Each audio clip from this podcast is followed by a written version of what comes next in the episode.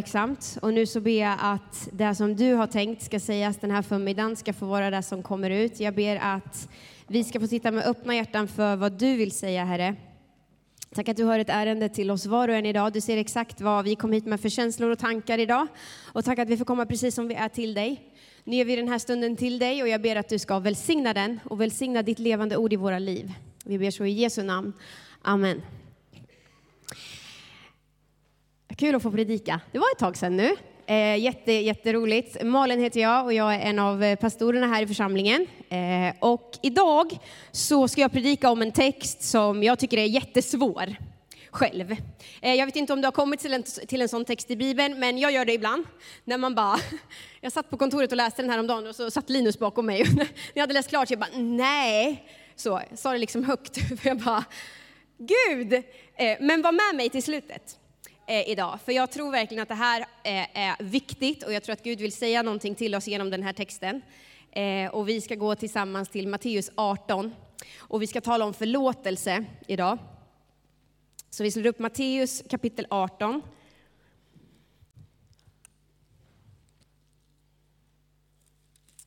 Så ska vi först läsa från vers 21. Matteus 18, 21. Vi börjar med att läsa 21 och 22. Då kom Petrus fram och frågade Jesus, Herre, hur många gånger ska min broder kunna synda mot mig och få min förlåtelse? Upp till sju gånger. Jesus sade till honom, jag säger dig, inte sju gånger, utan sjuttio gånger sju.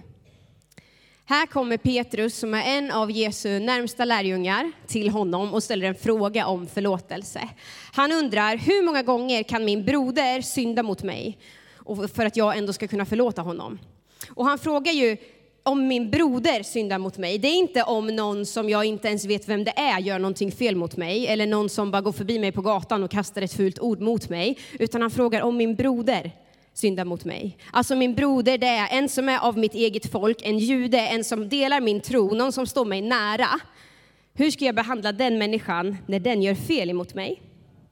Och så tar han i och så säger han upp till sju gånger kanske vore något sådär rimligt. Rabbinerna, de som var de judiska ledarna på den här tiden, när det här skrevs, de hade någon slags riktlinje om att upp till tre gånger var ändå rimligt att förlåta. Om du behövde förlåta samma person fler än tre gånger, då ville förmodligen inte den personen liksom göra bättring eller bli bättre på det området. Och därför så tar Petrus i och säger upp till sju gånger Jesus, kan det vara rimligt att förlåta? Och så säger Jesus, inte sju gånger, utan sju gånger 70 gånger. Jag vet inte ens hur mycket det är. 490, tack.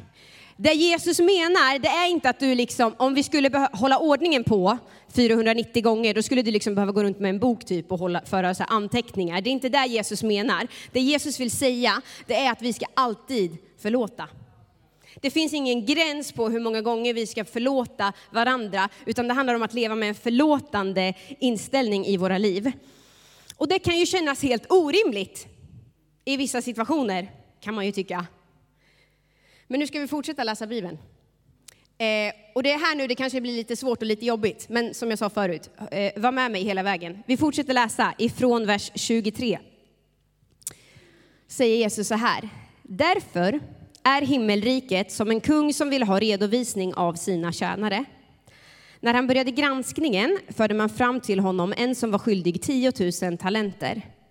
Eftersom han inte kunde betala befallde hans herre att han och hans fru och barn och allt han ägde skulle säljas för att betala skulden. Tjänaren föll ner för honom och vädjade. Ha tålamod med mig så ska jag betala tillbaka allt till dig. Då förbarmade sig tjänarens herre över honom och lät honom gå och efterskänkte hans skuld. Men när tjänaren kom ut mötte han en av sina medtjänare som var skyldig honom hundra denarer. Han tog fast honom och började strypa honom och sa, betala vad du är skyldig. Hans medtjänare föll då ner och bad honom, ha tålamod med mig så ska jag betala dig. Men han ville inte, utan gick och satte honom i fängelse tills han hade betalat vad han var skyldig. När hans medtjänare såg vad som hände blev de mycket upprörda och gick och berättade allt sammans för sin herre. Då kallade hans herre honom till sig och sa, du usle tjänare, Hela den skulden efterskänkte jag, där, eh, efterskänkte jag dig eftersom att du bad mig. Borde inte du ha förbarmat dig över din medtjänare, liksom jag förbarmade mig över dig? Och i sin vrede överlämnade hans herre honom till torterarna tills han hade, tills han hade betalt allt vad han var skyldig. Så ska också min himmelska far göra med er, om ni inte var och en förlåter, nej, om ni inte var och en av hjärtat förlåter er broder. Ja, hela den här liknelsen börjar med därför är himmelriket. Alltså det Jesus försöker för, liksom berätta för Petrus, det är att anledningen till att du ska kunna förlåta upp till 490 gånger, att du ska leva med en förlåtande livsstil, svaret på varför det är så finns i den här liknelsen. Därför är himmelriket. Och så berättar han den här berättelsen. Och det talas om en tjänare som förs inför sin kung och han har en enorm skuld. Det står att han är skyldig 10 000 talenter och en talent den var värd, den var värd minst 600 denarer. En denar motsvarade en arbets, alltså en dagslön. Det betyder att den här skulden var under ungefär 60 miljoner dagslöner. Det motsvarar idag flera miljarder svenska kronor. Det var vad han var skyldig. Ungefär 60 miljoner dagslöner. Det var en skuld som han aldrig hade kunnat betala tillbaka. Därför så ska han säljas. Han och hans familj och ah, liksom hans barn och allting, de kommer säljas som slavar för att han ska kunna betala tillbaka den här skulden. Men han faller ner inför sin herre och säger, Herre förbarma dig över mig. Ge mig mer tid. Och då står det att Herren förbarmade sig över honom. Att förbarma sig över någon, det betyder att i kärlek känna vad en annan människa känner. Ordet i grundtexten talar också om att det rent fysiskt känns i ens tarmar av kärlek till den andra människan. Herren förbarmade sig, han kände med tjänaren som där står i en enorm skuld som han inte kan betala. Och han väljer att i kärlek av förbarmande agera annorlunda. Och han väljer att där och då efterskänka hela skulden. Tjänaren bad om mer tid. Det var det han bad om. Men det Herren ger är så mycket, mycket mera. Han ger honom inte bara mer tid. Han hade kunnat sagt, okej, okay, du får lite mer tid, gå och lös det här på något sätt. Utan han säger, nej, jag efterskänker den här skulden. Alltså, jag tar bort den, den finns inte längre kvar. Gud känner med dig och mig. Han är inte en hård Gud, han är inte en arg Gud, utan han är en Gud som känner med dig och mig. Som vet vad vi går igenom, som förbarmar sig över sitt folk. Det är den guden vi tillhör. Och den här tjänaren fick hela sin skuld avskriven, den togs bort. Och det är exakt det här som Jesus har gjort för dig och mig på korset. Den dagen han valde att ge sitt liv dö för dina och mina synder, då avskrevs våran skuld. Vet att du och jag hade också en enorm skuld emot oss som vi inte kunde betala tillbaka. Man, man, nej, men jag hade inte gjort något kan man ju känna då. Det finns ett problem i den här världen som kallas synd. Var och en av oss, vi bar på ett enormt liksom, berg av synd. Som liksom lastades upp till en skuld emot Gud. Och vi kan tycka här att 60 miljoner dagslöner, det var en väldig skuld alltså. En sån skuld bar du och jag på innan Jesus valde att ta den ifrån oss. På samma sätt som den här tjänaren blir förlåten, så blir du och jag förlåtna i vad Jesus har gjort för oss på korset. Vi får på samma sätt som den här tjänaren bli fri ifrån sin skuld, så får vi bli fria ifrån skuld inför Jesus. Oavsett hur mycket eller lite vi har syndat, så bar vi på en skuld som vi aldrig hade kunnat betala tillbaka. Oavsett hur mycket tid vi hade fått. För det handlade inte om det. Jesus valde att efterskänka våran skuld. Precis som den här kungen gjorde mot sin tjänare. Men det som då händer är att den här tjänaren går därifrån, förmodligen glad borde han ju varit eftersom att han blir förlåten, den här skulden han, han har burit på försvinner. Så möter han en annan tjänare som är skyldig honom hundra denarer, står det. Hundra denarer, det motsvarade ungefär tre månadslöner. Och så säger han att hej, du är skyldig mig tre månadslöner, nu behöver du betala tillbaka. Och på samma sätt som han bad sin herre om mer tid så gör den här tjänaren det också. Men han väljer att agera helt annorlunda.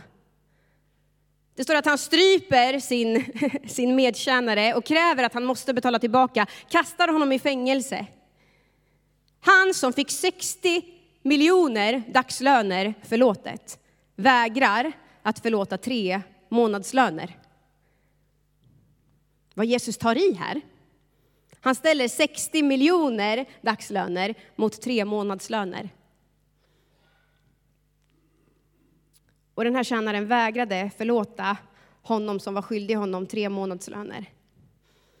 Det här har Gud problem med. Vi ska läsa igen ifrån vers 32.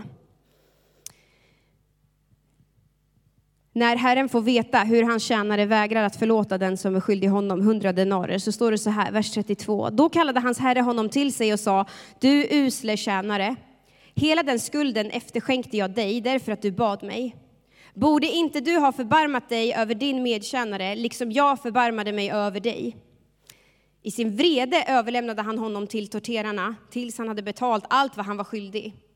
Så ska också min himmelska far göra med er om ni inte var och en av hjärtat förlåter varandra. Det Jesus vill komma till här, det Jesus vill poängtera, det är inte att Gud är en Gud som vill tortera oss. Det är inte där som är poängen. Huvudspelaren i den här liknelsen, det är tjänaren som har fått sin skuld betald men som vägrar förlåta sin nästa. Det är det som är huvudpersonen i den här berättelsen. Och jag tror att det Jesus vill säga, nyckeln finner vi i vers 33. Borde inte du ha förbarmat dig, liksom jag förbarmade mig över dig? Alltså det Gud har förlåtit dig och mig, det är alltid större än vad någon annan människa kan ha gjort mot oss. Okej, jag säger det en gång till. Det Jesus har förlåtit dig och mig för, det han har gjort för oss, det är alltid större än vad en människa kan ha gjort mot dig. För Jesus säger att det människor kan ha gjort mot oss, det är tre månadslöner, medan vad han har förlåtit oss är 60 miljoner dagslöner. Det är det som gör att vi kan förlåta. I förhållande till vad jag har blivit förlåten, vad Jesus har gjort mot mig, så kan jag tillsammans med Jesus få hjälp att förlåta min nästa. Guds förlåtelse och det han har gjort i mitt liv, det stannar inte bara med att jag behåller det för mig själv, utan det blir en förvandlande livsstil där jag väljer att leva i förlåtelse mot mina medmänniskor. Jesus säger ju i den sista versen här, i vers 35, att så ska också min himmelska far göra med er om ni inte av hjärtat förlåter varandra. Alltså jag tycker det här är en jättesvår vers. Och Jesus talar om exakt samma sak i Matteus 6 och 14 och 15. Det säger han också, att om ni förlåter varandra så ska min himmelska fader förlåta er, men om ni inte förlåter varandra, då ska heller inte min fader förlåta er. Det här är ju jättesvårt. Och det är ju jättetufft. Men det är därför vi måste sätta det i relation till vad han redan har gjort. Och vad han redan har förlåtit oss för. Och det verkar ju som att det Jesus vill säga är att när jag väljer att leva i oförlåtelse mot mina medmänniskor, då påverkar inte det bara mina relationer runt omkring mig, utan det påverkar också den här relationen. Det är det som gör det här så viktigt. Vi fattar ju på något sätt att när, vi, när det liksom finns skav mellan människor, när, vi, när, när det har hänt så konflikter och grejer och vi lever i oförlåtelse, det, det är ju inte nice mellan folk, det fattar ju var och en. Men Jesus säger också att det påverkar din relation med din far i himlen. Det kommer också bli ett skav där, det stör. Och det är någonting som Gud vill att vi tar tag i och han vill att vi gör någonting åt de grejerna. Gud vill att den förlåtelse han har gett till oss ska få bli så stor så att den får liksom överskyla vad någon människa någonsin har kunnat gjort med oss eller kommer kunna göra. Det betyder ju inte att jag ska låta vem som helst göra vad som helst mot mig när som helst. Absolut inte. Det betyder inte att vi bara ska lägga oss ner och låta alla trampa på oss hur som helst.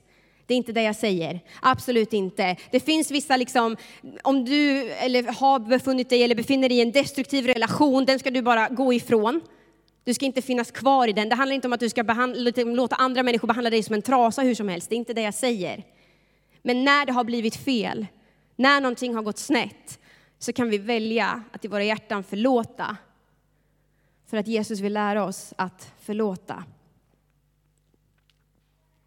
Jag tror att Jesus talar så mycket om förlåtelse, vilket han faktiskt gör. Han talar jättemycket om förlåtelse. Jag tror att han gör det för att det påverkar oss så mycket. Oförlåtelse påverkar oss och Jesus talar om oförlåtelse för att den som mår sämst av att inte förlåta, det är jag själv. Den som kommer må värst av att du inte förlåter, det är du själv. Jag tror att när vi gör fel mot, mot varandra, då skapas det sår emellan oss. Inte fysiska sår, men det skapas liksom sår. Ni fattar, det är ett billigt språk jag talar om här. När vi får ett fysiskt sår, då tar vi ju hand om det såret. Man, kanske, man tvättar det rent, man, liksom, man gör upp med det som har blivit trasigt och så plåstrar man om det. Precis så måste vi göra när vi, när vi skadar varandra, när det sker saker mellan oss, så måste vi göra rent våra sår. Och jag tror att vi gör rent våra sår när vi reder ut vad det var som hände och ber varandra om förlåtelse. Och när man har gjort det, när man har tvättat rent ett sår, då kan man sen sätta på ett, ett bandage eller ett plåster eller någonting och låta det läka. Om vi inte gör rent det där såret utan bara låter det vara ett öppet sår och inte behandlar det överhuvudtaget, då kommer det bli infekterat. Då kommer det fortsätta vara ett öppet sår. Och jag har mött människor ibland som beskriver för mig situationer som de har varit med om, som absolut inte var rätt, som inte blev bra någonstans. Och så säger man, men jag har förlåtit. Men så hör man när man talar om det, att det här är inte förlåtet. Det här är fortfarande ett öppet sår. Som varje gång någon petar i det här, eller du själv petar i det här, så gör det så fruktansvärt ont. Då tror jag man måste tvätta rent det där såret. Förlåta, lägga på ett bandage och sen gå vidare och låta det vara. Jag försöker lära min, min treåriga son just nu att när man har en sårskorpa så ska man inte peta på den. För om man petar på den hela, hela tiden, då kommer det aldrig att läka. Oh, det går inte, han har, sårskorpor hela, eh, han har aldrig sårskorpor, för så fort det kommer något så petar han på det och så blöder det. Vet ni, ibland så gör vi så med de såren som vi har blivit utsatta för också. Vi säger att vi har förlåtit, men så petar vi upp det hela tiden själva. Jag tror inte att vi har förlåtit då. Utan då tror jag att vi behöver gå tillbaka till Jesus och säga Jesus hjälp mig. Hjälp mig att förlåta i mitt hjärta för att kunna släppa taget om det här och låta det läka. Och jag tror att vi kan välja att förlåta dem som har gjort fel mot oss, även om den personen inte har bett mig om förlåtelse. Jag tror det. Du kan i ditt hjärta välja att förlåta den som har gjort fel mot dig, för att du ska få bli fri. För att det där såret ska kunna läka i ditt liv, för att du inte ska behöva bära på det själv längre. Och här tror jag många gånger att vi kan behöva hjälp i samtal. Jag säger inte att det är enkelt, att det bara på en så här sekund kommer att lösa sig. Ibland kan det ta tid och det får det göra. Men vi måste be Jesus om hjälp. Jesus, hjälp mig att förlåta. Hjälp mig att gå vidare ifrån det här. Kanske är det så att du sitter där inne som nu tänker att äh, men jag är ju den där som har gjort fel mot någon annan. Men du tar tag i det då. Kanske är det så att Gud just nu pekar på en grej i ditt liv som blev så fel, någon, någon grej du sa, någonting du gjorde, något du agerade någonstans. Ta tag i det då. I Romarbrevet 12 och 18 så läser vi, håll fred med alla människor så långt det är möjligt och beror på er. Alltså Bibeln säger att det som beror på dig, det har du ett ansvar för att ta tag i. Det som inte berodde på dig, det kan inte du ta ansvar för. Men det som beror på dig, gör vad du kan för att den konflikten eller det skavet eller vad det nu än är, reds ut och görs upp.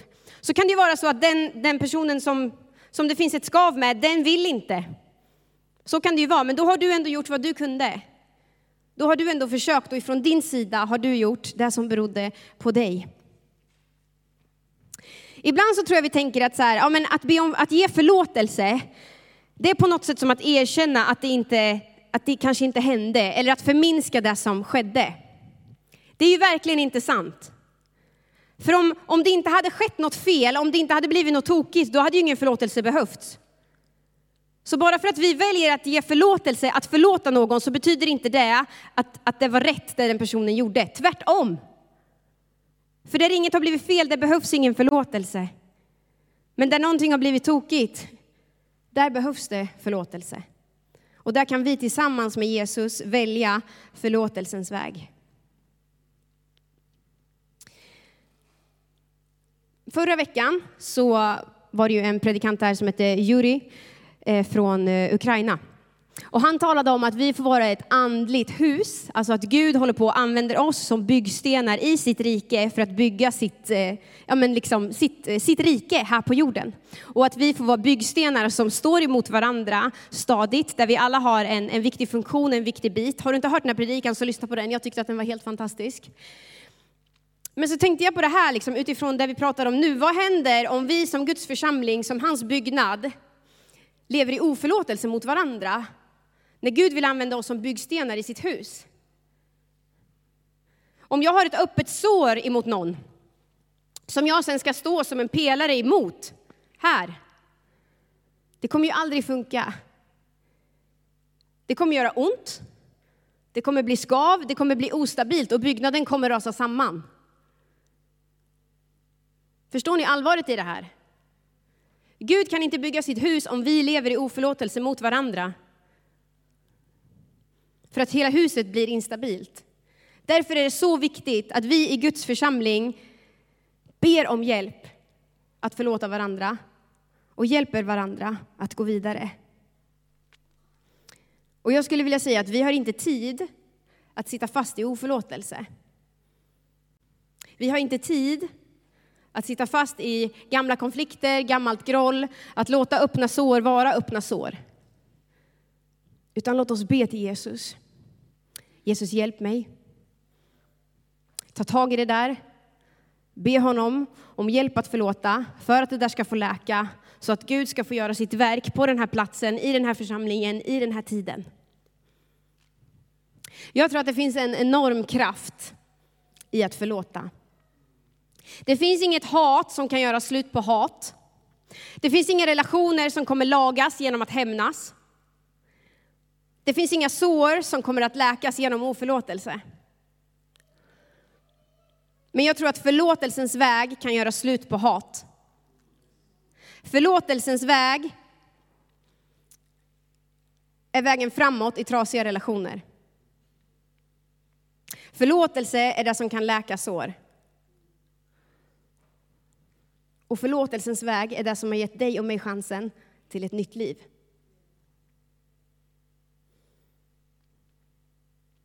Och det kan ju vara så att du sitter här nu och tänker så här, fast Malin, du vet inte vad jag har varit med om. Du vet inte vad jag har blivit utsatt för, du vet inte. Och det är ju sant, det vet jag inte. Det vet jag inte. Men vet du, jag vet vem Jesus är. Jag vet vem Jesus är och jag vet vad han har gjort. Jag vet att Jesus var den som blev sviken av de som stod honom närmast. De som hade lovat att vi ska alltid stå vid din sida, oavsett vad som händer så kommer vi finnas där för dig Jesus. De svek honom. Han som aldrig hade gjort ett fel spigades upp på ett kors. Och orden som kommer ur hans mun när han gör det är, Fader förlåt dem, för de vet inte vad de gör. Jag vet vem han är. Och jag vet vad han har gjort. Och jag vet, och jag tror av hela mitt hjärta, att det han har gjort, det är större än vad någon människa någonsin har kunnat göra mot dig. Så om du sitter här idag och känner så, du vet inte vad jag har gjort, det är sant, det vet jag inte, men jag vet vad Jesus har gjort för dig. Så lyft din blick idag, se på honom, låt honom öppna ditt hjärta, be honom om hjälp att släppa taget om det där såret du bär i ditt inre. Vi ska alldeles strax be tillsammans och landa in här. Se på Jesus idag. Se vad han har gjort för oss och se att det är större. Gud har förlåtit dig och det är större än allting annat. Gud har förlåtit mig och det är större än allting annat. Du som sitter här inne idag och behöver ge förlåtelse till någon, be Jesus om hjälp. Du som sitter här inne och känner i ditt hjärta just nu att det finns någonting som jag behöver reda ut. Kanske påminner Gud dig om någonting. Du kanske ska ringa ett samtal idag. Du kanske ska skicka ett sms, du kanske ska söka upp någon. För att det finns någonting som beror på dig. Ta tag i det då. För att Gud ska få göra sitt verk i oss. För att han ska få göra sitt verk i den här församlingen, i vår stad och i vår värld. Så behöver vi leva i förlåtelse mot varandra. Nu ber vi tillsammans. Jesus, jag tackar dig för att du är den som har gett oss ett, ett exempel att följa. Jag tackar dig för att du efterskänkte våran skuld. Den skulden som var så stor att vi inte kunde betala, den efterskänkte du. Och Herre, jag ber att vi ska få se storheten i vad du har gjort än en gång. Herre, tack att det du har gjort för oss, det är större än vad någon människa någonsin kommer kunna utsätta oss för. Herre, du ser dem just nu som sitter här inne med sår. Jag ber att du ska hjälpa, hjälp oss att våga öppna våra hjärtan.